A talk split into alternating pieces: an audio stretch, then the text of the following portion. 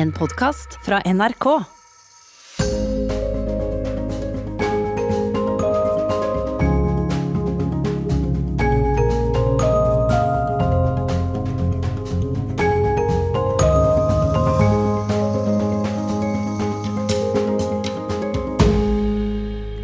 Det her jeg nå skal fortelle, det er historia om hvordan ei samejente fra et lite fiskevær i Finnmark blei pariserinne, om hvor godt det er å ha skrivinga når det verst tenkelige hender deg. For er det noe jeg har måttet lære, så er det at livet oftest overgår fiksjonen. Men først, før vi kommer så langt, må vi rykke tilbake til start, til der alt begynte nesten helt på toppen av Norge, ikke så langt fra det nordligste punktet, ligger Kjøllefjord. Det var der jeg vokste opp. Iallfall delvis. Finnmark er et fremmedland i Norge. Lufta er annerledes der. Kjøligere, friskere. Kanskje fordi vi er færre om å puste den inn. Finnmark er først og fremst natur Steinat månelandskap, grønne enger, barskog, myre, fjell, fjorde, elve, vidde. Og det er naturen som regjerer. Har man vokst opp i Finnmark, så vet man at man alltid må være forberedt på hindre og unntakstilstand, stengte veier, flyplasser, plutselig isolasjon, sterk kuling, lange veier til nærmeste sykehus. Men også mye frihet og tydelige, klare årstider. Ei vakker midnattssol, ingen trafikklys, sjelden kø. Jeg er ikke sikker på hva Finnmark gjør med et menneske, men jeg kjenner få som klarer å være likegyldig. Det blir sittende fast i deg, sjøl når du er langt, langt unna. For meg var det lenge det eneste jeg visste om. Og det er ingenting som beskrives som forteller Finnmarkslandskapet, som samisk musikk gjør det for meg som Elle av Mari Boine. seeking the hidden past.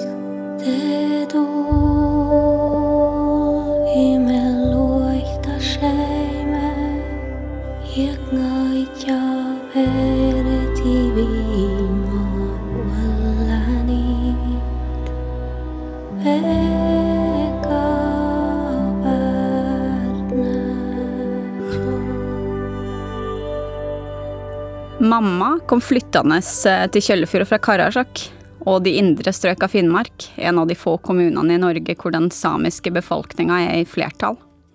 Pappa er fiskersønn fra kysten, men han har også samiske røtter. Da de møttes, var det nokså anspent mellom de områdene, de indre og ytre strøkene av Finnmark. En gjensidig mistenksomhet som det fortsatt fins noe av den dag i dag.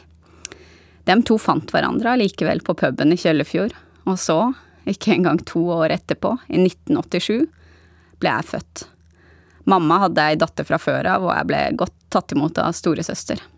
Enda litt seinere gifta de seg, før de fikk barneflokkens siste tilskudd. Mamma stolt i karasjokkofte og pappa i hvit dress. Hadde det skjedd litt seinere, ville nok pappa hatt på seg kofte, han også. Men det var komplisert, det her med det samiske. Jeg kjente på det fra jeg var lite av.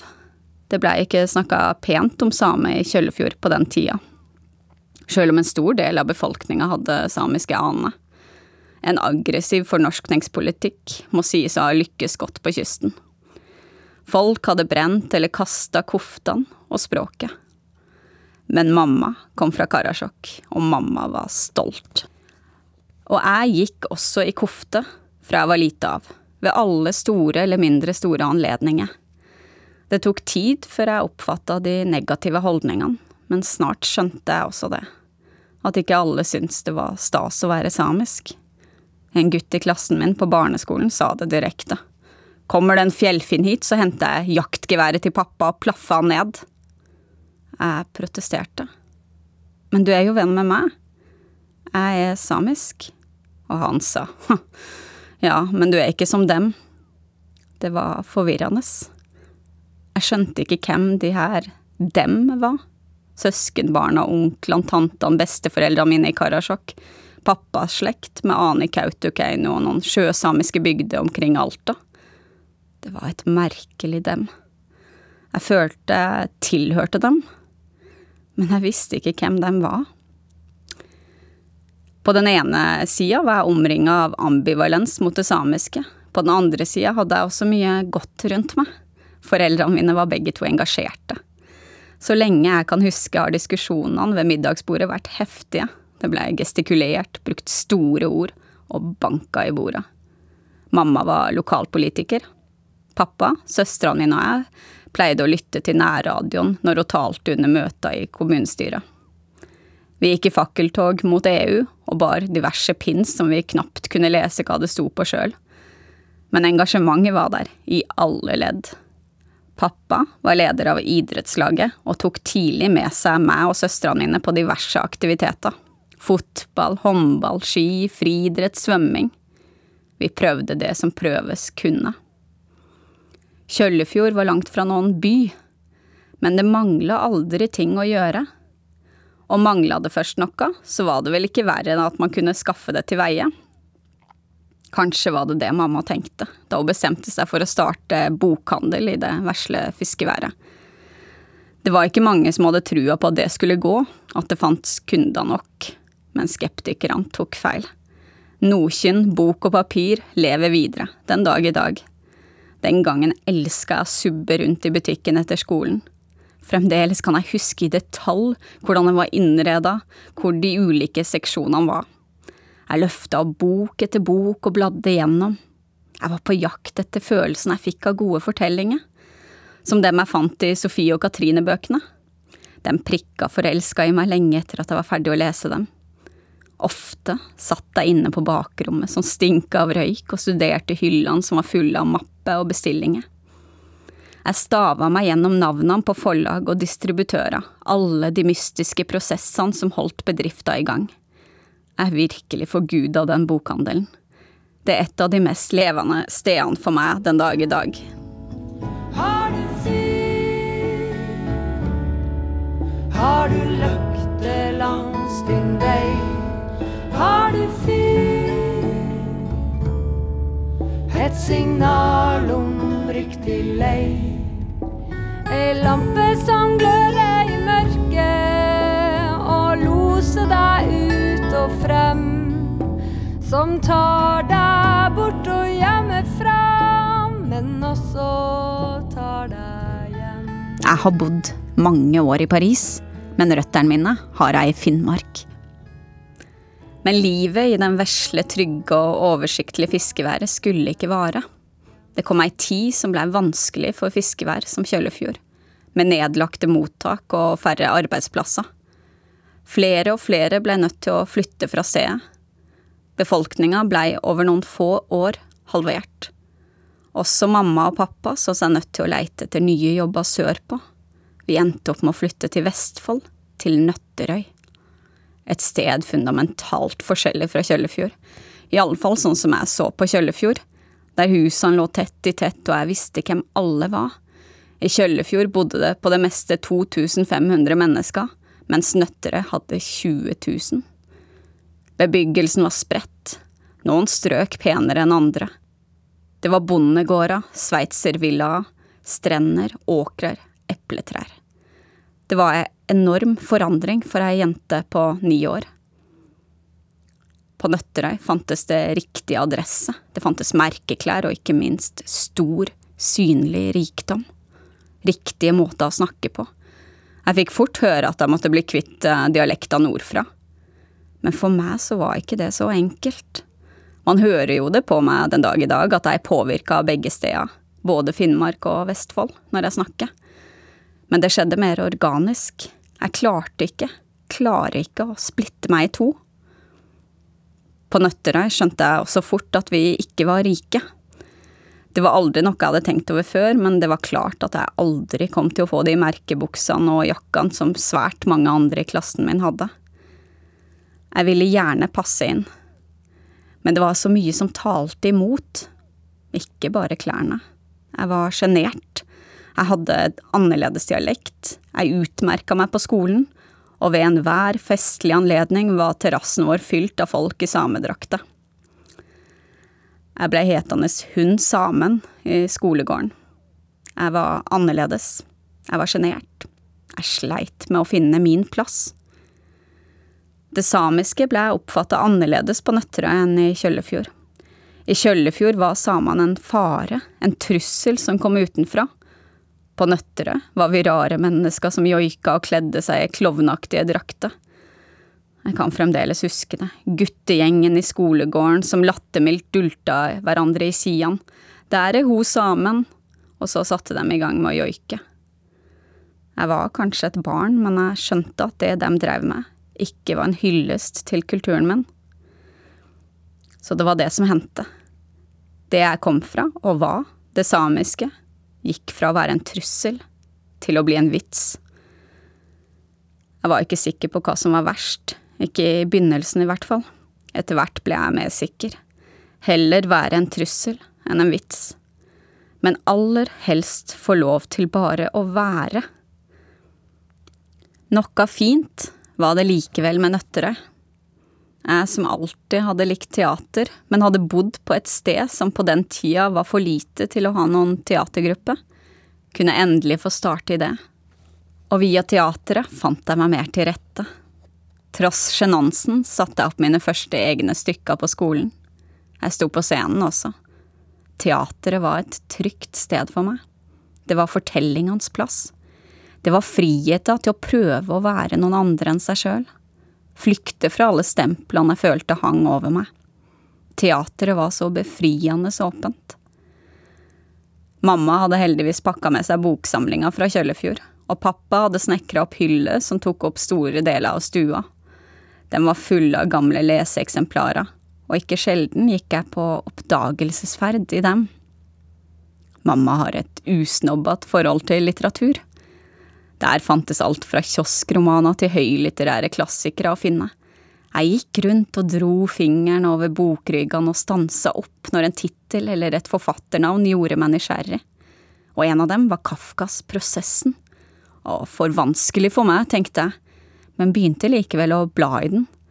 Jeg ble straks fanga inn av historia, kjente på den samme fortvilelsen som hovedkarakteren, og etter hvert tok jeg for meg klassiker etter klassiker. Så mye tid brukte jeg på lesing at mamma og pappa blei så bekymra at de ofte jagde meg ut for at jeg skulle leke som andre unger. Det var ikke bare lesing og teater jeg drev med. Jeg elska å skrive og lage fantasifortellinger hvor jeg hadde fullt og helt kontroll. Å finne på og forsvinne inn i andre verdener. Det var, som teatret, en befrielse for meg. Jeg fikk foreldrene mine til å punge ut for ekstra kladdebøker, og snart kom mamma bærende på en gammel, kassert datamaskin fra jobben sin, som knapt hadde programvare installert, og definitivt ingen internettilgang. Jeg satte meg på stolen på rommet mitt med hendene på tastaturet, og skreiv og skreiv og skreiv. Jeg fant opp egne parallelle verdener, eller utfordra meg sjøl til å sette ord på det flaueste, det jeg hadde minst lyst til å skrive om. Det var en kamp mot meg sjøl, og hele tida tørre å skrive mer, tøffere, utfordre sjenansen min. Innimellom kom pappa og avbrøt for å ta backup på disketta. Kanskje hadde han på følelsen at det her var noe jeg kom til å fortsette med. Som alle andre vokste jeg opp, blei tenåring, ungdom. Jeg var lei av å være den flinke. En periode gjorde jeg det med vilje dårligere på skolen, jeg skifta venner, dro i smug på fester, drakk, røyka, kyssa fremmede gutter. Prøvde ut ulike identiteter, klesstiler, musikksmak. Jeg var ikke sikker på hvem jeg ville være, hvor jeg hørte hjemme i verden. I'm sitting here in the boring just another rainy Sunday afternoon. I'm wasting my time, I got nothing to do. I'm hanging around, I'm waiting for you, but nothing ever happens. And I wonder. Men sjøl når man prøver å flykte, blir man som oftest innhenta av seg sjøl. Det skjedde også med meg. Farlig var det ikke å gjøre et opprør mot den rollen jeg hadde tatt på meg. Den passa meg ikke. Jeg var mer enn skoleflink. Det bodde mer i meg enn gode karakterbøker. Og det jeg brant for, ble bare tydeligere for meg i all festinga og skulkinga, mitt tenåringsopprør. Jeg skrev dikt. Jeg deltok i konkurranser. Først uten å utmerke meg på noen måte, men det hjalp å hente inn alt av impulser som var å finne i mammas boksamling. Særlig de forfatterne som brøyt skrivereglene vi var innprenta på skolen, ble jeg glad i. Etter hvert vant jeg også en og annen konkurranse. Sjøltillita vokste. Jeg begynte å ane at skrivinga kunne bli noe mer enn en hobby. På videregående opplevde jeg også for første gang at det å være samisk ikke trengte å være ett av to onde. Jeg møtte folk som var oppriktig nysgjerrige og interesserte i hva det innebar. Noe åpna seg. Det som så lenge hadde kjentes som en ulempe, begynte å ligne en fordel. Var det kanskje ikke så verst, det å være samisk? Det her med å stå mellom to kulturer, den samiske og den norske, har påvirka livsvalgene mine i stor grad. Det at jeg ofte har følt meg fremmed i Norge, har gjort at jeg har søkt ut i verden, og ofte følte jeg meg merkelig hjemme på besøk i andre land, i andre kulturer, til og med på andre språk. Jeg har gjort det fra jeg var lita, sjonglert mellom kulturer med ulike normer, med den ene foten i det samiske og den andre i det norske, Jeg er vant til å veksle. Det føltes til og med godt. Men jeg syntes at Norge var trangt. Det var lite rom for alt som var annerledes. Jeg ønska meg bort. Etter et utvekslingsår i Argentina bestemte jeg meg for Frankrike og for Paris. Jeg hadde fått gitt ut min første roman, men jeg var fremdeles student. Jeg var tiltrukket av alt som var fransk. Paris var et klisjéfylt valg, så klart. Men jeg kom allikevel ikke til Paris med romantiske forventninger. Kanskje ble jeg derfor heller ikke skuffa. For det regner også i den byen, og vinteren er kjølig og grå. Paris er vakker, men heldigvis mye mer. Uflidde gatestrøk, mennesker. De nabolagene som knapt ser noe til turiststrømmen. Paris og jeg har det til felles. Vi trekkes i flere retninger. Vi bærer i oss mer enn én kultur. Og merkelig nok minna byen meg mer om Kjøllefjord enn det Nøtterøy hadde gjort. They say home is the place where your heart is. Then I am home now, though I am far away. For so long I've let deep forest guard it. And now it's begging me to stay. And I'm trying my best to be pretend I am strong and can siphon it off. But I'm not who I wanted to be. In my heart, I belong in a house by the sea. I Paris var jeg friere til å snakke om det samiske. Til endelig å omfavne den delen av identiteten min. Det finnes mange mennesker her med historie som ligner min. Om de har en fot i Algerie, Senegal, Canada, Kina eller Polen, har de like fullt en fot et annet sted. Som meg. Det var ikke noe problem å guide et koftekledd følge fra sametingene i Norge, Sverige og Finland gjennom nabolaget mitt i Frankrike. Der jeg før ville kjent skam, kjente jeg nå stolthet. Det var godt å være samisk i Frankrike. Endelig begynte jeg også å gi den delen plass i skrivinga mi. Jeg hadde gitt ut ei bok tidligere hvor det samiske ikke ble nevnt, men nå skrev jeg om det. Avstanden gjorde meg modigere. Men den samiske delen av meg blir nok aldri uproblematisk. I det voksne livet har jeg opplevd flere ganger å blitt avvist av andre med samisk bakgrunn. En gang jeg hadde på meg kofta, var det en som sa det rett ut. Det blir bare komisk når ei som deg, som ikke kan snakke språket engang, kler seg ut i den. For noen er jeg ikke samisk nok til å bære den, knapt samisk nok til å kalle meg same. Jeg er nok ikke den eneste av de med to kulturer som har kjent på det, en tosidig avvisning. Man er ikke norsk nok på den ene sida, og ikke samisk nok på den andre. Det er sårt.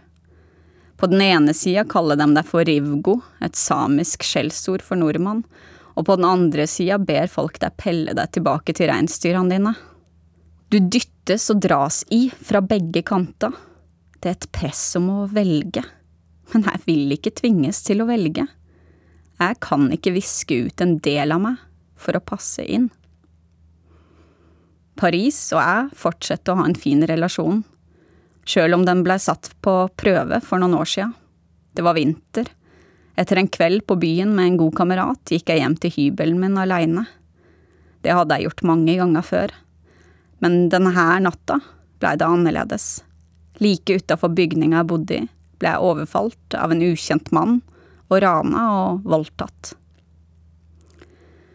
Frem til da har jeg vært en relativt uredd, relativt selvstendig person.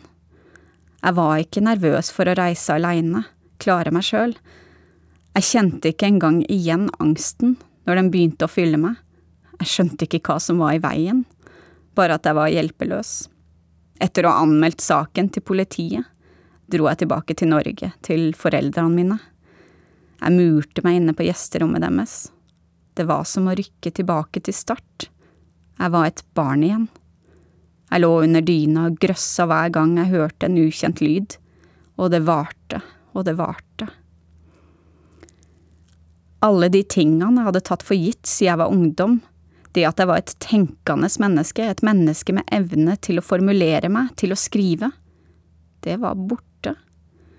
Alt som var tilbake, var instinkt og angst.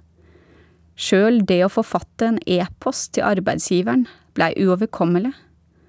Når jeg ikke kunne skrive, kunne jeg heller ikke tenke. Det var det skrivinga var blitt for meg, mine følehorn for å ta inn verden. Uten skrivinga, ingen verden, ingen meg.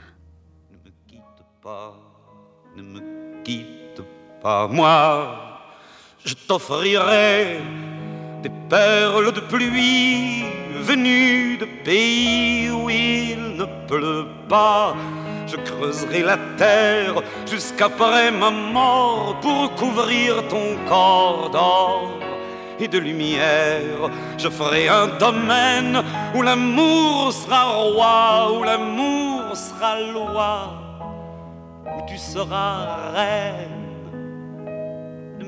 Jeg var redd, jeg hadde mista alt.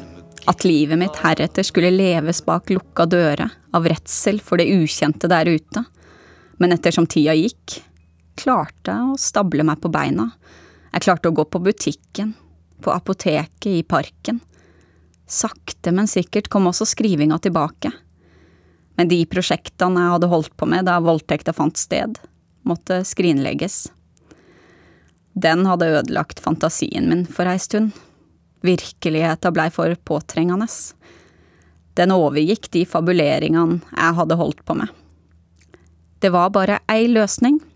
Jeg måtte skrive om det som hadde hendt meg, og på den måten fordøye det.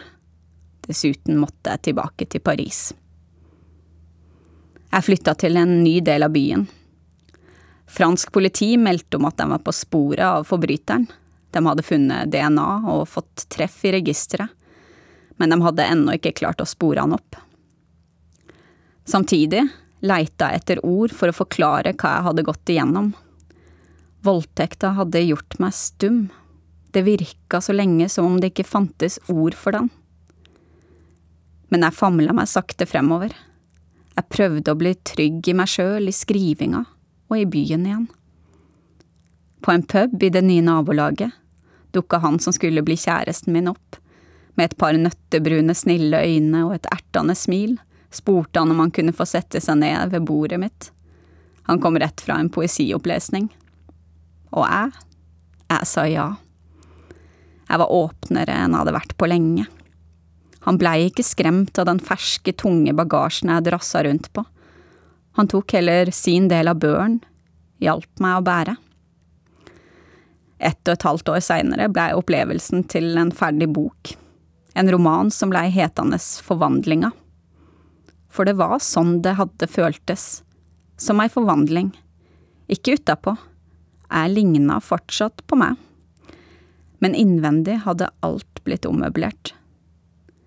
Høsten 2018 hadde jeg lanseringsfest på Samisk hus i Oslo. Familie, venner og bekjente møtte opp. Jeg skulle snakke om det som hadde skjedd i fortidsform, jeg skulle vise at jeg hadde klart å komme meg videre, for det hadde jeg jo vitterlig gjort. Fortsatt begriper jeg ikke hvorfor jeg gjorde det, men fem minutter før jeg skulle gå på scenen, leita jeg frem mobiltelefonen min for å sjekke om det var noe nytt. Det var det. Det blinka mot meg der.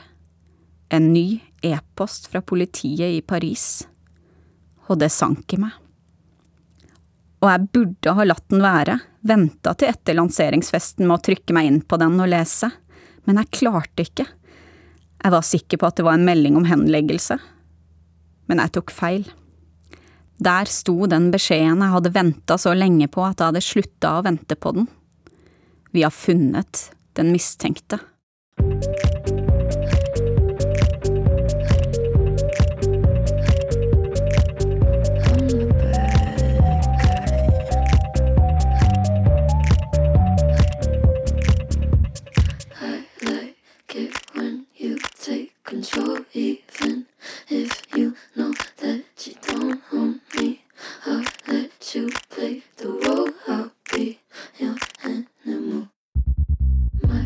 Jeg mista balansen da. Ei stund hadde voldtekta kjentes fjern, som noe jeg var ferdig med. Men det skulle ikke mer enn en e-post til før den ble altfor virkelig igjen. Ei venninne og søstera mi hjalp meg ut av rommet og inn på toalettet hvor jeg krølla meg sammen på gulvet og hulka. Sårskorpa var tydeligvis ikke så tjukk og solid som jeg trodde. Ei stund funderte folk rundt meg på om hele lanseringsfesten måtte avlyses. Men det ville jeg heller ikke. Var det noe perioden etter voldtekta hadde lært meg, så var det at styrke har flere definisjoner. Før hadde jeg tenkt på det som noe stoisk, noe en viste ved å ikke la seg berøre, holde maska uansett hva som hendte. Men den type styrke var ikke den som hadde hjulpet meg opp på beina igjen. Jeg trengte den styrken man fikk av å vise sin tilkortkommenhet, vise sin svakhet. Så jeg retta på sminken, kom meg opp igjen og ut på den vesle scenen. Det slo meg at livet oftest overgår fiksjonen. Og jeg lever videre med det her såret, det her arret. Det franske juridiske systemet er seigt, alt tar tid. Køene er endeløse foran domstolene, og saker som min behandles annerledes her enn de gjør i Norge. Det er en forhørsdommer som leder etterforskninga og kommanderer politi eller andre eksperter til å undersøke nye ting. Rettsprosessen og romanen jeg skrev om voldtekta, er tett sammenvevd. Da jeg satt på venterommet hos forhørsdommeren før et avhør, fikk jeg en telefon fra Nord-Norge om at jeg hadde vunnet Havmannsprisen for boka Forvandlinga. Så rart det var å få den telefonen akkurat da i 14. etasje i det flunkende nye justispalasset i Paris, bare minutter før jeg skulle inn og gjenfortelle den samme historia igjen. Godt og vondt på samme tid. Sånn har det vært lenge. I noen øyeblikk får jeg kjenne glede, før jeg igjen blir påminnet hvor djupt voldtekta har merka meg. Om jeg noen gang glemmer, så husker kroppen min, og den husker bedre enn meg. Den siktede, han sitter i varetekt, men likevel kan jeg kjenne på en ulogisk angst. Hver gang jeg husker at han finnes og hva han gjorde mot meg den kvelden, så blir det vanskelig å gå, vanskelig å stå, vanskelig å sove, vanskelig å være. For et år sia ble jeg innkalt til forhørsdommeren som leder etterforskninga, for å foreta en formell identifikasjon i Frankrike har den sikta rett til å konfrontere sin anklager. På forhånd hadde advokaten min og politiet forsikra meg om at han kom til å være bevokta, at det kom til å sitte politivakter mellom oss. Men jeg visste at vi skulle være i samme rom samtidig.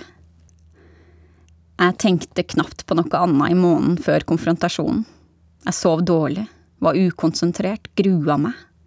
Hele kroppen min bar vissheta i seg. Den mannen er farlig. Inne på det hvite, sterile rommet, med det store skrivebordet som forhørsdommeren og stenografen delte, skulle det skje. Adrenalinet pumpa i meg allerede på venteværelset. Da jeg kom inn med advokaten min, satt den sikta allerede der, med ryggen til, med én politibetjent på hver side. Jeg satte meg på den ledige stolen og greip meg sjøl i handa, for liksom å holde meg fast. Det grepet holdt jeg hele den timen konfrontasjonen varte. Forhørsdommeren ønska meg velkommen, før hun ba den sikta om å reise seg og vende seg mot meg, sånn at jeg kunne studere han nærmere og slå fast, eller ikke, om det var den mannen som hadde overfalt meg den kvelden. Det er ikke alt jeg husker like godt fra overfallet, men det kjølige blikket hans bærer jeg med meg i minnet. Nå kikker jeg inn i det samme ansiktet, den samme kulda. Jeg var ikke i tvil. Politiet hadde arrestert rett mann. Men det gjorde fremdeles vondt. I was reading some errands and I got to thinking that I thought maybe I'd get less stressed if I was tested less like all of these debutantes, smiling for miles in pink dresses and high heels and white yachts.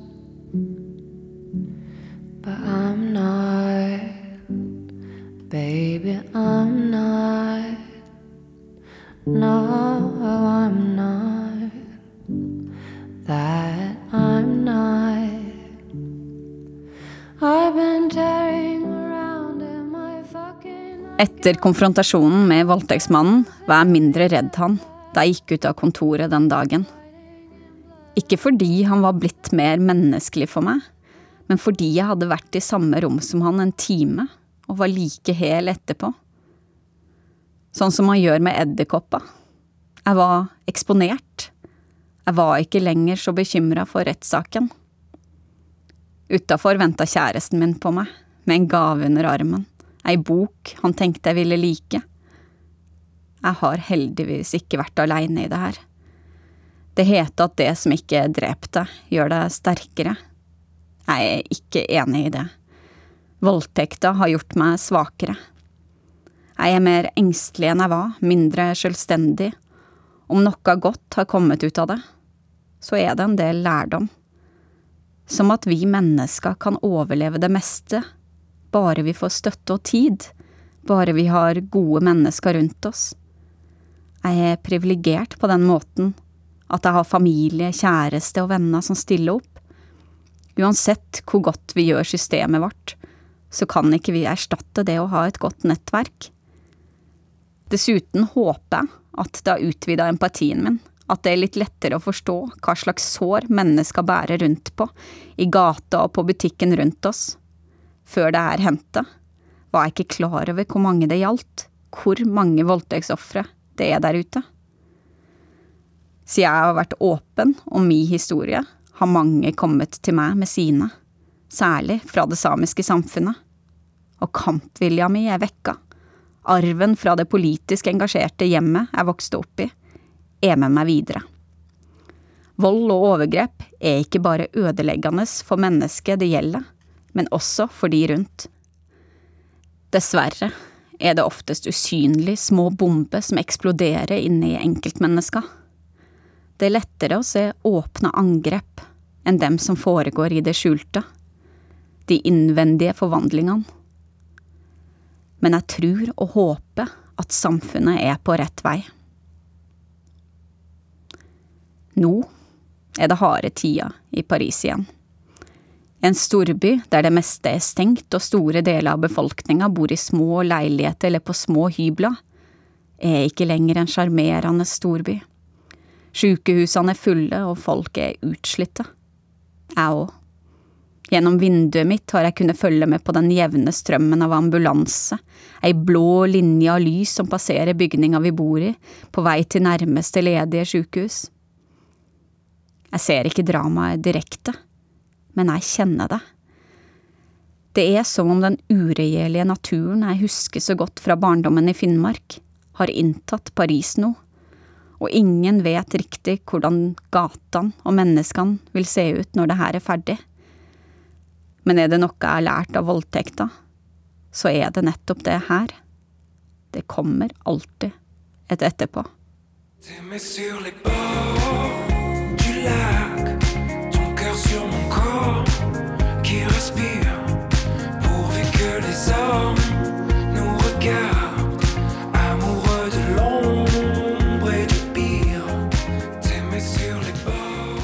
Dette var podkastversjonen av Vinter i P2 med Katrine Nedrejord.